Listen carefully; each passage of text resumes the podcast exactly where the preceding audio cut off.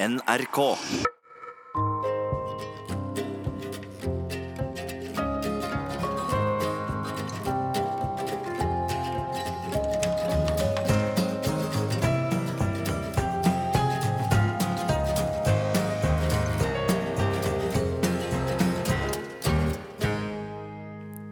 Jeg vet ikke når den begynte. Forelskelsen. Det er så lenge siden at det er vanskelig å si om det var kjærlighet ved første blikk. Mest sannsynlig var det nok en forelskelse som kom gradvis, og som bare ble sterkere og sterkere hver gang vi møttes. Helt til jeg ikke kunne leve uten. Ja, helt til jeg gjorde min kjærlighet til et slags levebrød. Jeg heter Mikkel Soya Bølstad. Hvis jeg først skal legge ut av mitt kjærlighetsliv, kan vi like godt bli kjent først som sist. Jeg er en sånn som på sett og vis lever av å være på tur. Ikke turer i fjerne himmelstrøk eller heroiske bestigninger av stupbratte fjell eller ekstreme paddeturer i ville elver. Egentlig ganske vanlige turer. I kano, på ski, til fots eller på sykkel. Ganske mye på sykkel, faktisk, siden jeg fortsatt ikke har tatt førerkortet. Det er for øvrig viktig å presisere akkurat det med at jeg ikke har tatt førerkortet. For om du sier at du ikke har lappen her i Kongsberg, der jeg bor, tror mange at du har mistet den på grunn av fyllekjøring. Men jeg har altså ikke tatt lappen, og foretrekker å bevege meg for egen kraft. Og om ikke det er praktisk, er toget og bussen en god venn. Jeg har også vært på mange turer som kanskje ikke er helt vanlige. Sånn som å padle kano under Grønland, svømme til fest, bo i et tre, dra på tur i dress og slike ting. En slags ekspedisjoner og tureksperimenter i miniformat, eller mikroeventyr, om du vil. Turer som egentlig alle kan dra på, bare du får øynene opp for at eventyret, det venter rett rundt hjørnet. Etterpå skriver jeg om det i blader og magasiner eller bøker, og holder foredrag på ymse steder, alt sammen i håp om at flere skal få øynene opp for at eventyret og turgleden ligger og venter nær både hverdagen og hjemmet. Miljøvennlig er det også. Hvis jeg skal skryte litt, så kan jeg jo trekke fram at jeg antagelig er en av Norges mest erfarne luftmadrasspadlere. Men det er en avsporing. La oss heller komme tilbake til der vi startet, til kjærligheten. For av alle mulige og umulige ting å gjøre på tur, er det én ting som virkelig får hjertet mitt til å slå litt raskere. Å ligge under trekronene i urgamle, mosegrodde skoger. Der sa jeg det. Jeg elsker skog. I Norge er det ofte fjellene som løper med oppmerksomheten. Jeg skjønner det. Fjell er bra. Fjell er fint. Og jeg er glad i fjellet også. Det er viktig å få sagt det. Du blir fort bortimot landsforræder hvis du sier at du ikke er glad i fjellet. Men jeg er det. Altså glad i fjellet. Jeg elsker å gå på beina eller på ski eller sykle meg oppover, høyere og høyere, til trekronene slipper tak i hverandre, til jeg kommer over tregrensa og ser vidda åpne seg opp foran meg, og fjellene toner fram i horisonten. Men det er noe med skogen. Der fjellet kan være kaldt og hardt og barskt, er skogen lun og myk og trygg. Det er som sagt vrient å si helt nøyaktig når forelskelsen startet når jeg for alvor kastet min elsk på skogen. For jeg har vært høyt og lavt i skogen siden jeg var liten. Men likevel, hvis jeg skal trekke fram en bestemt begivenhet, et minne, et øyeblikk, så tror jeg det må være en sommernatt ved Spålselva i Nordmarka som guttunge for mange år siden. Pappa og jeg ligger i teltet. Egentlig burde vi sovet begge to, men den lyse natta er full av lyder og jeg ligger med øynene så vidt åpne og lytter. Måltrossen synger litt vemodig et sted inne i skogen, og det kommer et stille brus fra elva. Og så en rar lyd oppe fra kveldshimmelen, nærmest som svak mekring. Det er mekregauken, det, sier pappa. Der og da ante ikke jeg at mekregauk var et annet navn for den langnebbete vadefuglen enkelbekkasin Jeg visste heller ikke at det var halefjærene som laget lyden. Det spilte for så vidt ingen rolle. Det gjorde bare øyeblikket enda mer magisk. Og slik gikk det til at lyden fra Mekregauken lullet meg i søvn, og sommernatta ved Spålselva brant seg fast i bevisstheten min for alltid, sammen med mange andre lignende opplevelser. Skogen ved Spålselva var ikke en hvilken som helst skog. På motsatt side av elva fra der vi hadde slått leir, mot nord, stakk silhuettene av grantrær i alle aldre og størrelser og fasonger ut av morgentåka, som sakte seg nedover dalen i det lave, forsiktige morgenlyset. Noen av trærne var lange og smale og pistrete i toppen, andre fyldige og mer monumentale. Noen var døde, nakne, og stakk opp av tåka som svarte spir. En skog fundamentalt annerledes enn skogpartiene vi hadde syklet gjennom for å komme oss til Spålselva, der trærne mange steder var jevngamle, med samme høyde og samme bredde, og sto nærmest kliss like som kloner, i stram givakt, som om de ikke riktig turte å slippe seg løs. Skogen på den andre siden av Spålselva så ut som skog hentet rett ut av en av Theodor Kittelsens blyanttegninger, eller August Cappelens oljemalerier. Det var eventyrskog, skog som hadde fått lov til å passe seg selv. Og denne skogen, ved bredden av Spålselva en sommernatt for mange år siden, den ble en slags målestokk i min verden for hvordan skog egentlig ser ut. Det er vel og bra at jeg er glad i skog, tenker du kanskje. Men hvorfor skal vi høre mer om skog? Skog er jo i nyhetene jevnt og trutt. Og det har du rett i. Vi hører mye om skog om dagen. Kanskje ikke så mye på TV, men på radio og i aviser.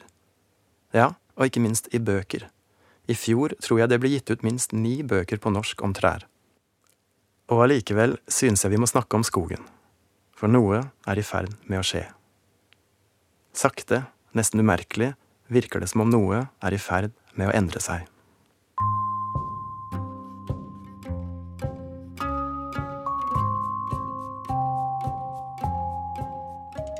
Etter hvert som jeg kom opp i tenårene, søkte jeg lenger og lenger vekk, og inn i skogen. Ikke industriskogene med sine plantasjer, men skogene som fikk passe seg selv. Og i hjertet av Krokskogen fant jeg mitt lille villmarksrike, med lommer av gammelskog, der fiskeørner svevde over tjernene, tiur buldret under granskog, kledd i tykke lag med skjegglav, og krokete, grove furuer sto på glisne koller med utsikt ut over skoghavet. Skogen ble et fristed, en venn jeg kunne gå til når det buttet i hverdagen. Og møtte jeg på en toppmeis med den litt snertne fjærtusten på hodet, eller en flaggspett som hakket i en kongle i en spettesmie, var det nesten som å hilse på en gammel kamerat, og jeg kjente på et blaff av innbilt samhørighet før de flakset videre. Å gå inn i gammelskogen var som å tre inn i et stort hus, der lysningene i skogen dannet hver sine spesielle rom, helt annerledes enn de tette, mørke granplantasjene, der rommene var nakne og trange, gulvet dekket av et brunt lag med barnåler eller tørr, pistrete mose, og luften hang tung og stillestående mellom vegger av glissende, snorrette stammer, som om noen burde trukket fra gardinene, åpnet vinduet og luftet ut. I gammelskogen var det rom som var kledd med grønt vegg-til-vegg-teppe og saftig mose, krypende bortover bakken og oppover stammene. I andre rom hang lav som delikate girlandere ned fra grentaket, mens det i det neste ventet et frodig dekke av bregner, eller en katedral av lys, skapt av den lave morgensola som listet seg gjennom grenverket. Jeg kunne gå noen få skritt, så var jeg inne i et nytt værelse, med nytt interiør og nye stemninger.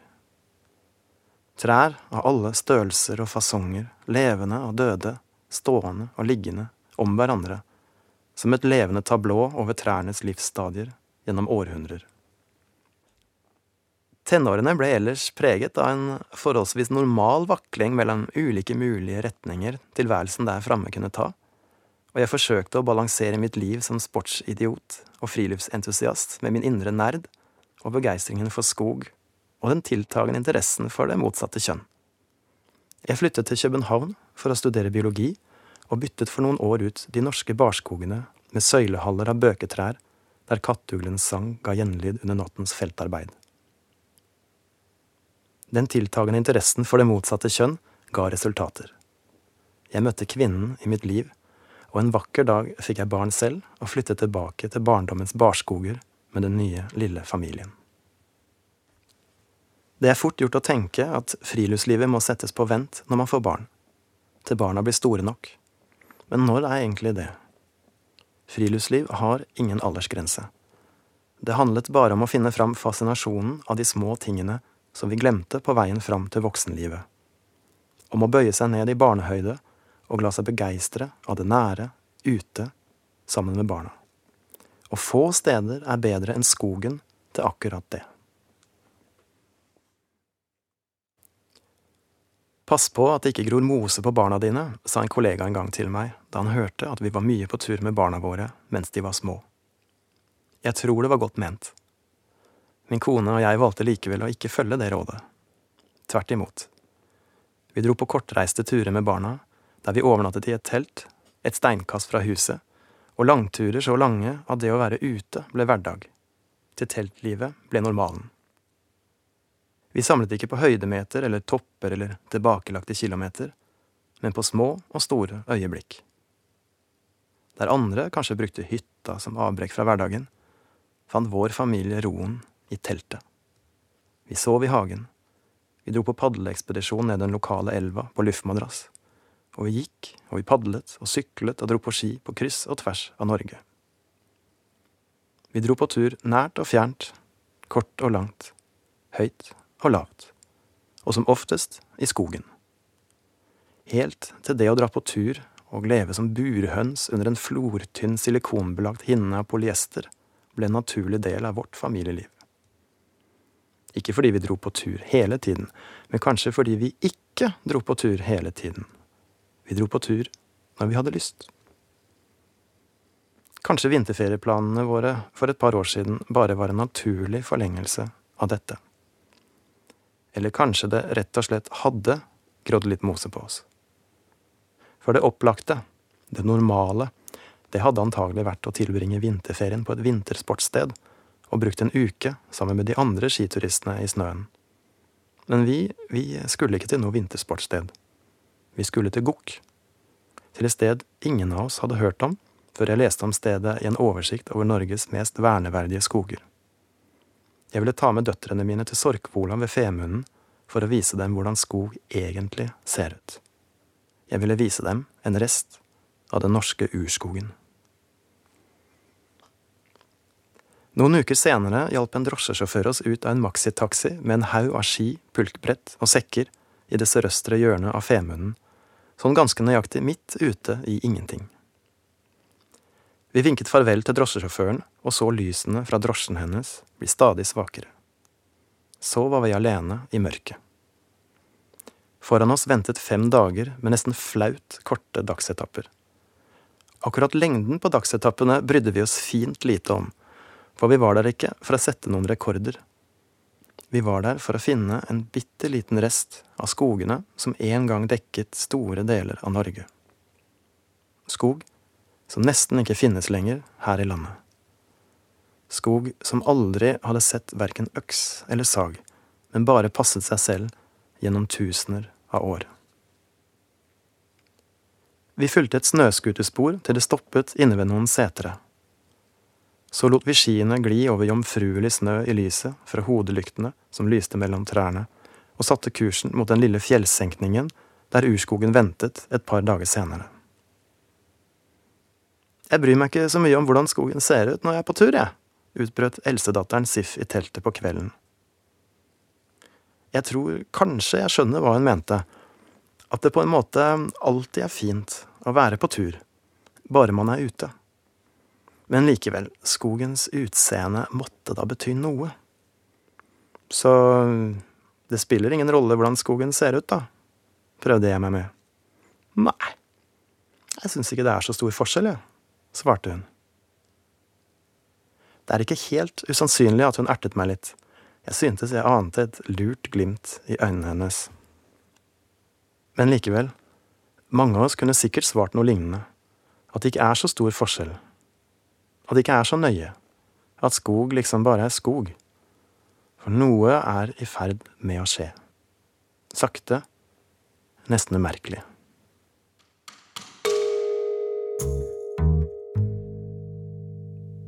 Med jevne mellomrom dumper jeg over bilder på sosiale medier av tette skoger, der alle trærne er like gamle og like høye og står ordnet på rekke og rad med militær presisjon. Skogbunnen, der lyset aldri riktig slipper ordentlig til, er naken, bare dekket av barnåler eller et tynt lag mose. Det er bilder av ganske ordinære granplantasjer, med andre ord. De som har lagt ut bildene, syntes sikkert skogen var fin, og jeg skal innrømme at jeg synes noen av bildene absolutt har noe for seg, enten fordi solstrålene glitrer vakkert gjennom trekronene, eller kanskje fordi et tynt lag hvitt pudder eller et nylig snøfall har lagt seg som pent dandert staffasje over skogen. Det er ikke bildene i seg selv, men emneknaggen, eller hashtaggen, som de bruker til bildene jeg stusser over. For bildene, de ledsages ofte av emneknaggen urskog. Hvis Theodor Kittelsen eller August Cappelen hadde levd i dag, og hadde hatt en smarttelefon, da føler jeg meg ganske sikker på at de ikke ville tatt bilde av en granplantasje og lastet det opp på Instagram eller Facebook med emneknaggen urskog. Har vi rett og slett glemt hvordan skog som ikke er plantet, ser ut? Skog som har forynget seg selv gjennom århundrer? Skog der de naturlige prosessene får skje uten at sagtenner griper forstyrrende inn? Vet vi ikke lenger hvordan urskog ser ut.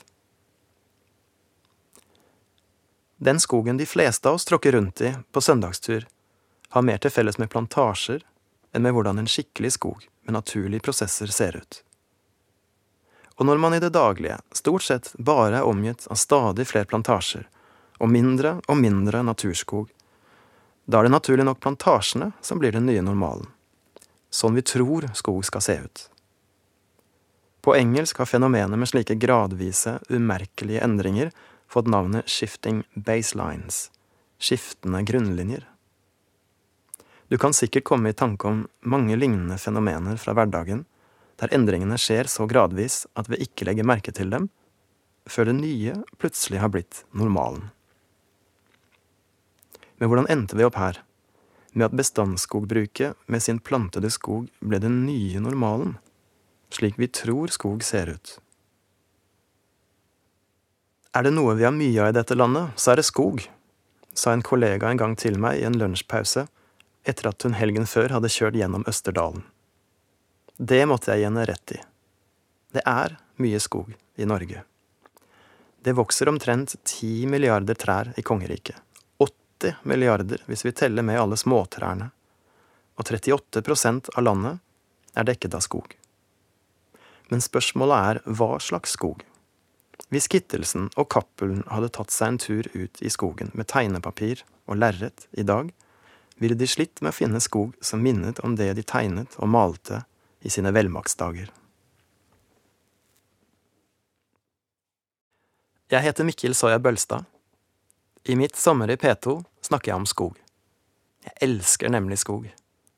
Jeg er også litt redd redd for at det har blitt så mange plantasjer rundt oss at vi har glemt hvordan skogen egentlig ser ut. Hvorfor er det viktig å vite hvordan urskog og naturskog ser ut, lurer du kanskje. Er det ikke helt greit at folk poster bilder av granplantasjer og kaller det for urskog, bare de selv synes skogen er fin? Jo, på sett og vis er det helt greit.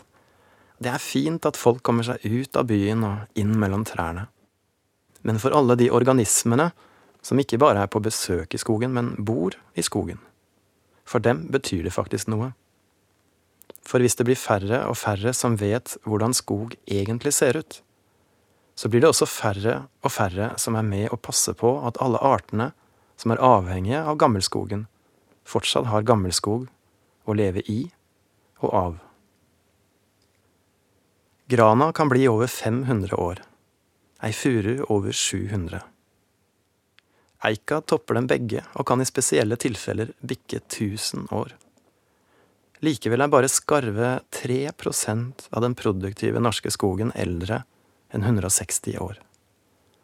Og bare knapt en halv prosent kan regnes som urskog.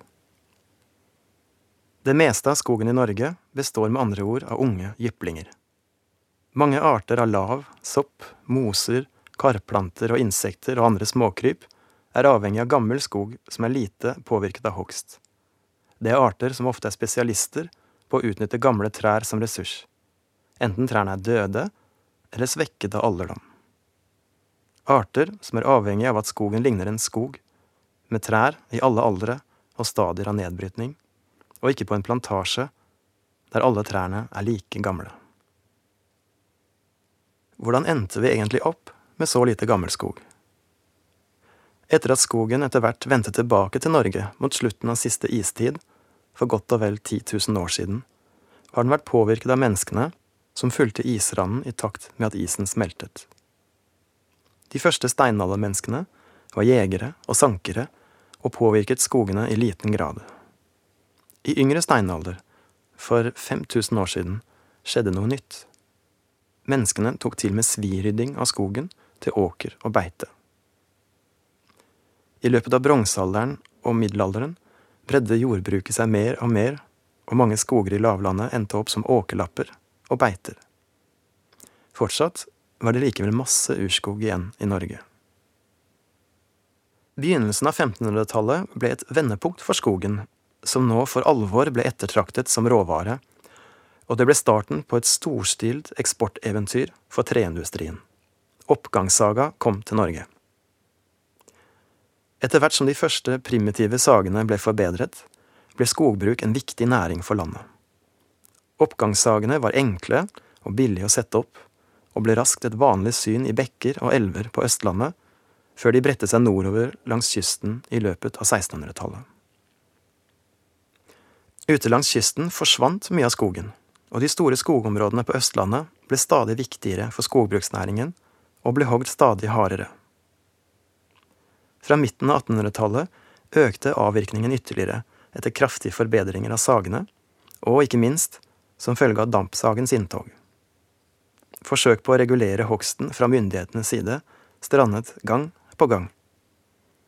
På starten av 1900-tallet var mange skogområder i Norge uthogd etter at skogbrukerne gjennom en årrekke målrettet hadde tatt ut de største trærne uten å sikre tilveksten av ny skog.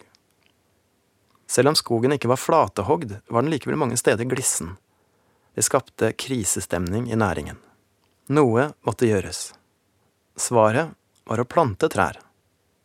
Fra midten av forrige århundre ble millioner av trær plantet hvert år. Omtrent samtidig skjedde det en revolusjon i det norske skogbruket flatehogsten og bestandsskogbruket, der alle trærne har samme alder, ble den dominerende driftsformen. I dag er 75% av all skog flatehogd minst én gang, og erstattet av kulturskog, der alle trærne er like gamle. Bare en fjerdedel av skogen består av fleraldret skog som ikke har vært flatehogd, og andelen, den minker for hvert år. Forskere regner med at slik naturskog er borte om 50 år, og kanskje før, hvis vi ser bort ifra det lille som er vernet i reservater og satt til side som nøkkelbiotoper. For en forelsket mann, i sin beste alder, er det dårlig nytt når hans utkårede svinner inn mellom hendene på ham. Hvordan har skogen det så egentlig i Norge i dag? Det er fristende å bruke uttrykket som man roper i skogen får man svar, men det er faktisk ikke helt ved siden av. Det handler nemlig om hva du bruker som utgangspunkt. Det handler om grunnlinja, the baseline. Mange representanter for skogbruksnæringen velger å ta utgangspunkt i situasjonen på starten av 1900-tallet, da skogene var uthogde. Det er deres grunnlinje. Etter den omfattende skogplantingen i forrige århundre har skogene tredoblet seg i volum siden starten av 1900-tallet. Det er også blitt mer gammelskog, som grovt sagt er skog eldre enn 160 år, og mengden av død ved, som er så livsviktig for mange arter insekter og sopp, er økende. Men vi biologer, vi har et annet utgangspunkt, en annen grunnlinje. Vi sammenligner ofte med hvordan tilstanden i en urskog er. Urskogen er the baseline, grunnlinja. Ikke fordi vi mener at all skog i Norge skal bli urskog, vi vil også ha skogbruk, men urskogen er det naturlige utgangspunktet når man skal forsøke å beskrive skogens tilstand i dag. Ikke bare for trærne, men for alle de mange organismene som lever i den. Og da blir bildet ganske annerledes. For selv om mengden gammelskog har økt bitte litt, så er det så lite gammelskog igjen at man snakker om å måtte restaurere skog. La den få vokse seg vill og gammel. For selv om det kanskje går bedre for et tjuetall av de truede artene i skogen, er bildet langt fra rosenrødt. Fortsatt er det over 1000 truete skoglevende arter på den norske rødlista, og de aller, aller fleste er knyttet til gammelskog, og kanskje særlig gammelskog som er lite påvirket av mennesker. Skog som på mange måter minner om tidligere tiders urskoger.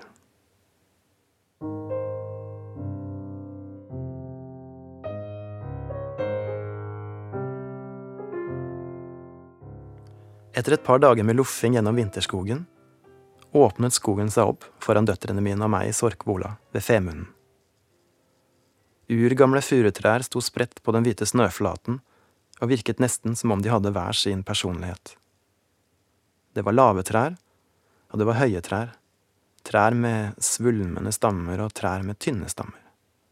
Det var skeive, krokete og rette stammer om hverandre døde og levende trær i ett stort potpurri. Noen hadde spisse trekroner, andre var fint avrundede og minnet mest av alt om forvokste bonsai-trær.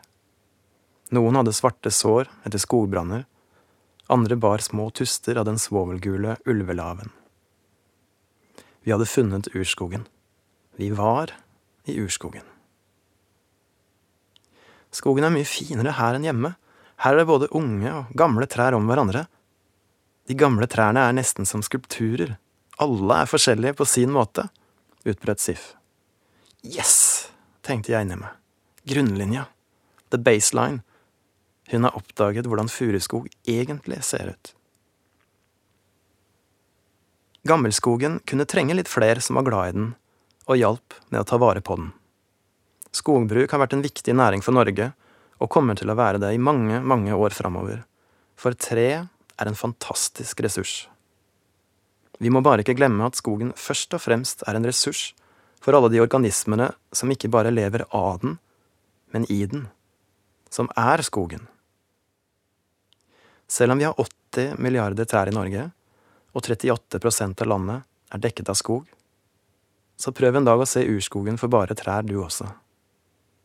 Hvis skogen du står i, har lysninger og trær i alle aldre, unge og gamle om hverandre, som et vindskeivt gammelt bygg med flere etasjer og ulike rom. Hvis det står døde trær på rot innimellom, og det ligger gamle, halvveis nedbrutte stammer på bakken med sopp og mose voksne oppå seg, da kan det hende at du er i en skog som kan minne om tidligere tiders urskoger. Ja, kanskje du til og med er så heldig å faktisk stå i en rest med gammel urskog, noe som Kittelsen og Cappelen kanskje ville tegnet eller malt. Da vil jeg oppfordre deg til å ta et bilde av skogen, og legge det ut på sosiale medier med emneknagger som naturskog eller urskog, så andre kan se hvordan skog egentlig ser ut. Og kanskje, hvis du ikke allerede er det, kanskje du blir litt forelska, du også.